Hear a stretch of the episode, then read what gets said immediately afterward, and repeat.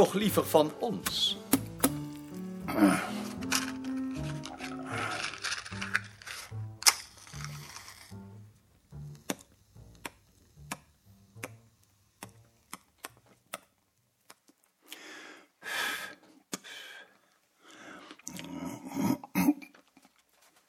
Allereerst wens ik u geluk met het predicaat koninklijk dat aan uw commissie is verleend.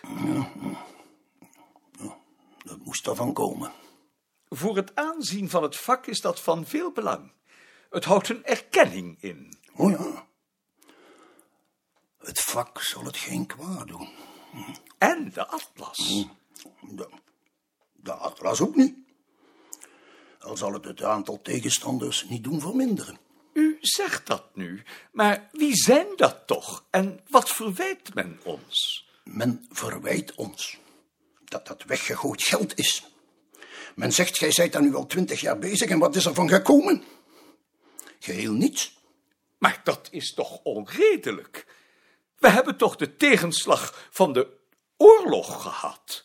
Dat heeft ons jaren achterop gebracht. Natuurlijk, maar zo zijn de mensen, meneer Beerta. Eh, Ik heb daaromtrent geen, geen enkele illusie meer. Enfin, daar zal dan binnenkort verandering in komen, want ik heb goede hoop dat we dit jaar kunnen gaan drukken.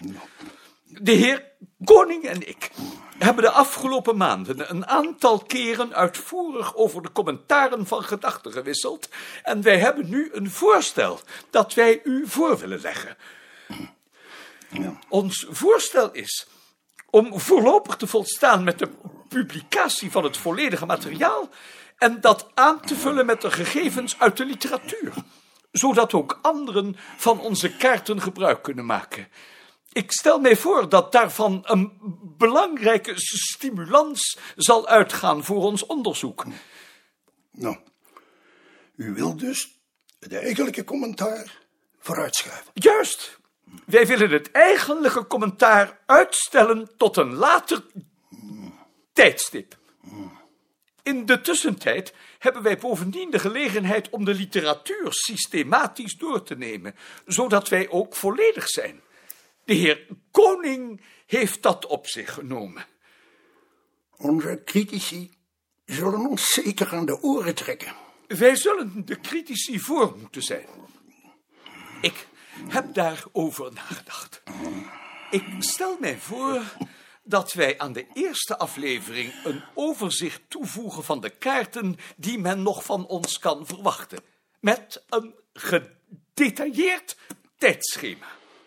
De heer Koning en ik zullen ons daarmee belasten. Maar Daarmee zult u het niet gemakkelijk hebben. Dat zijn wij ons bewust. En hoeveel kaarten had u daarbij eh, in gedachten?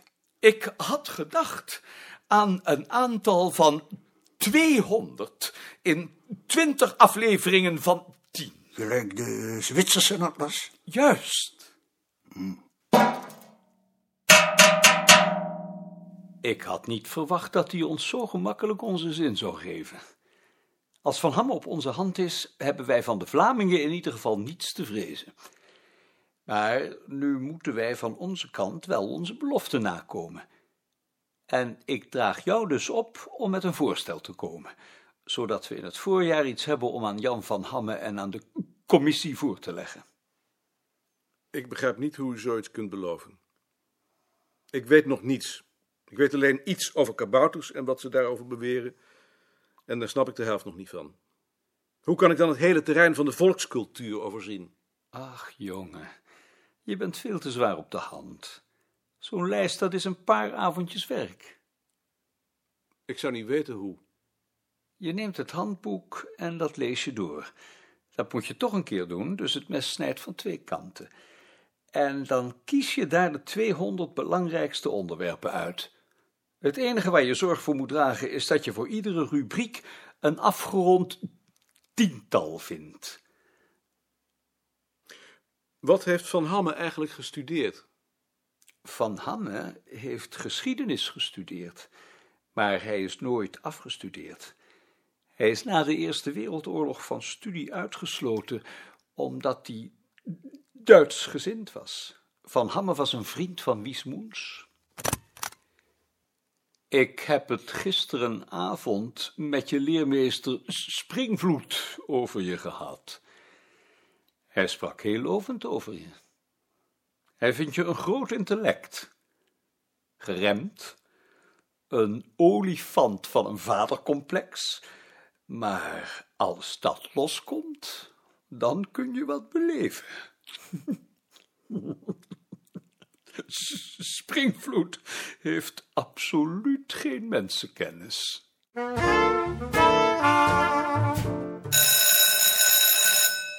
Gaat het beginnen? De eerste komt eraan. Meneer Nijhuis, hier is een meneer Bots voor u. Bots is de naam. Nijhuis, personeelschef. Gaat u zitten. Nou, u mag nog blij zijn dat ik op tijd ben, want de post had uw brief in de verkeerde bus gedaan, terwijl de naam en het adres er toch duidelijk op stonden. Je begrijpt niet waar dat voor nodig is, zo'n man kan toch wel lezen. Gelukkig dat ik fatsoenlijke buren heb. Voor hetzelfde geld hadden ze de brief bij het vuilnis gebieterd, waren we nog verder van huis geweest. Enfin, U bent Adrianus Hermanus Bots, jawel, geboren op 1 september 1929. inderdaad. En u woont Johan Melchior Kemperstraat 41. 41 3 hoog, maar dat is maar tijdelijk, want ik ben op zoek naar een ander huis. Maar u woont er nog. Inderdaad, is al bekend wat ik ga verdienen. Eh, De details bespreken we later. Had u een bepaald salaris op het oog? Niet rechtstreeks, maar ik reken toch wel op zo'n 400 gulden, want anders kom ik in de problemen. 400 gulden. Ik heb het genoteerd. U heeft toch geen schulden? Schulden? Hoe dat zo? Nee, ik vraag het maar. Omdat u over problemen begon. Ik lees hier dat u eerst beroepsmilitair bent geweest en toen ladingknecht. Het beviel u niet in militaire dienst? In militaire dienst wel, maar van de politiek werd ik kotsmisselijk. Juist.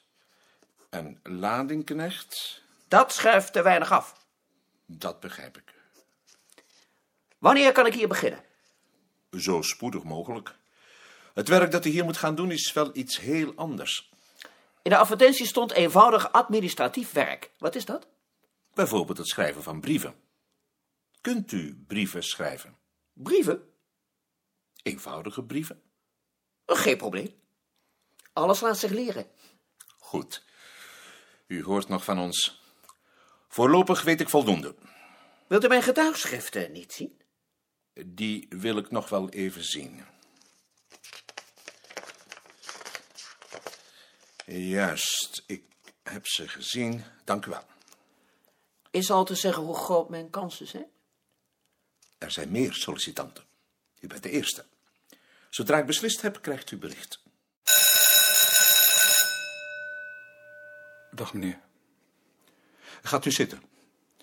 U bent Franciscus Veen, geboren 11 april 1932. Ja, Frans Veen. Hebt u getuigschriften bij u? Moest dat? Wij willen altijd graag weten hoe uw vorige werkgever over u denkt. Ik wil er nog wel om vragen. Laat u maar. Ik bel hem wel op. U bent onderwijzer geweest, maar daar bent u mee opgehouden. Beviel het u niet? Ik kon geen orde houden. En nu werkt u sinds het begin van het jaar op het Bureau voor Statistiek. Waarom wilt u daar nu alweer weg? Ik vind het te verschrikkelijk. Verschrikkelijk. Nou ja, het zal wel aan mij liggen. Waarom denkt u dat het aan u ligt? Dat denk ik altijd. Juist. U vindt het er dus verschrikkelijk. En waarom denkt u dat het hier niet verschrikkelijk is? Dat weet ik nog niet. Hier zijn in ieder geval boeken. Maar u moet vooral brieven schrijven. Kunt u dat? Ik heb u een brief geschreven. Inderdaad. Juist. Ik weet nu wel genoeg. U krijgt zo spoedig mogelijk bericht. Als ik de andere sollicitanten gezien heb. Dag meneer. Nou, wie wordt het? Die laatste. Ben je belazerd? De eerste? Die laatste heeft hersens, die eerste niet. Maar heb je me zien lopen? Nee. Nou, volgens mij is het er eentje van de club. Als je begrijpt wat ik bedoel. En dat moeten we hier niet hebben. Daar krijgen we er al genoeg van over de vloer. Dat is toch niet gezegd? En bovendien is hij 25, dus voor complicaties hoef je niet te vrezen. Als hij nog minderjarig was. Maar ik moet hem wel om me heen verdragen. En in dit geval, hij is afgekeurd voor militaire dienst. Wat zit daarachter? Het alternatief is Bots, een beroepsmilitair. Een man zonder hersens. Alleen maar energie. Zo iemand doet alleen wat als er tucht is. Dat is het enige wat hij wil. En dat hebben we hier niet. Bovendien verveelt hij zich na twee dagen rot. Terwijl die ander onderwijzer is, geen orde kan houden en intelligent is. Deetje Haan maakt bezwaar tegen die veen. Wat heeft hij ermee te maken? Ze vervangt Beerta. Wat is dat voor bezwaar? Er zit een gat in zijn verleden, zegt ze. Hij is op zijn 21ste naar de kweekschool gegaan en op zijn 18e van HBS gekomen. Dus tussen zijn 19e en zijn 21ste zit een gat. Dan heb ik een nog veel groter gat in mijn verleden. Zij vindt dat een bezwaar. En dan heb ik de directeur van de kweekschool gebeld en van hem gehoord dat het een jongen met idealen is. Dat moeten we hier helemaal niet hebben. Er zijn nog een paar dingen die ik weten wilde. In de eerste plaats over de afkeuring voor militaire dienst. U weet niet waarvoor u afgekeurd bent? Nee, dat weet ik niet. Waarom wilt u dat weten? In ieder geval niet om lichamelijke redenen.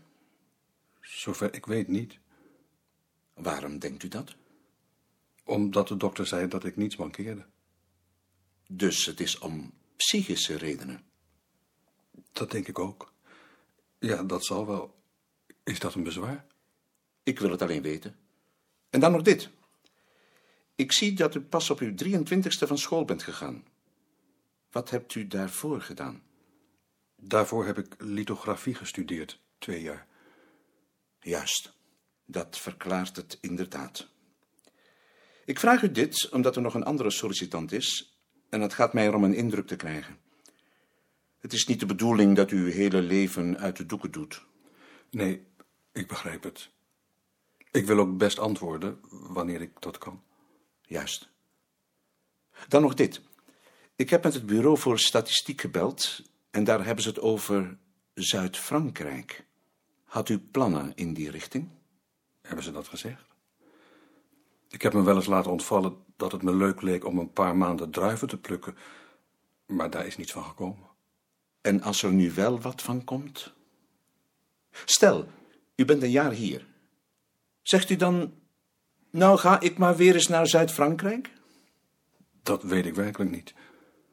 U bent toch geen zwerver? Ik geloof het niet. Daar ga ik dan wel van uit. Ja, natuurlijk. Goed. Dan zal ik nu een beslissing moeten nemen. Ja, dat is moeilijk.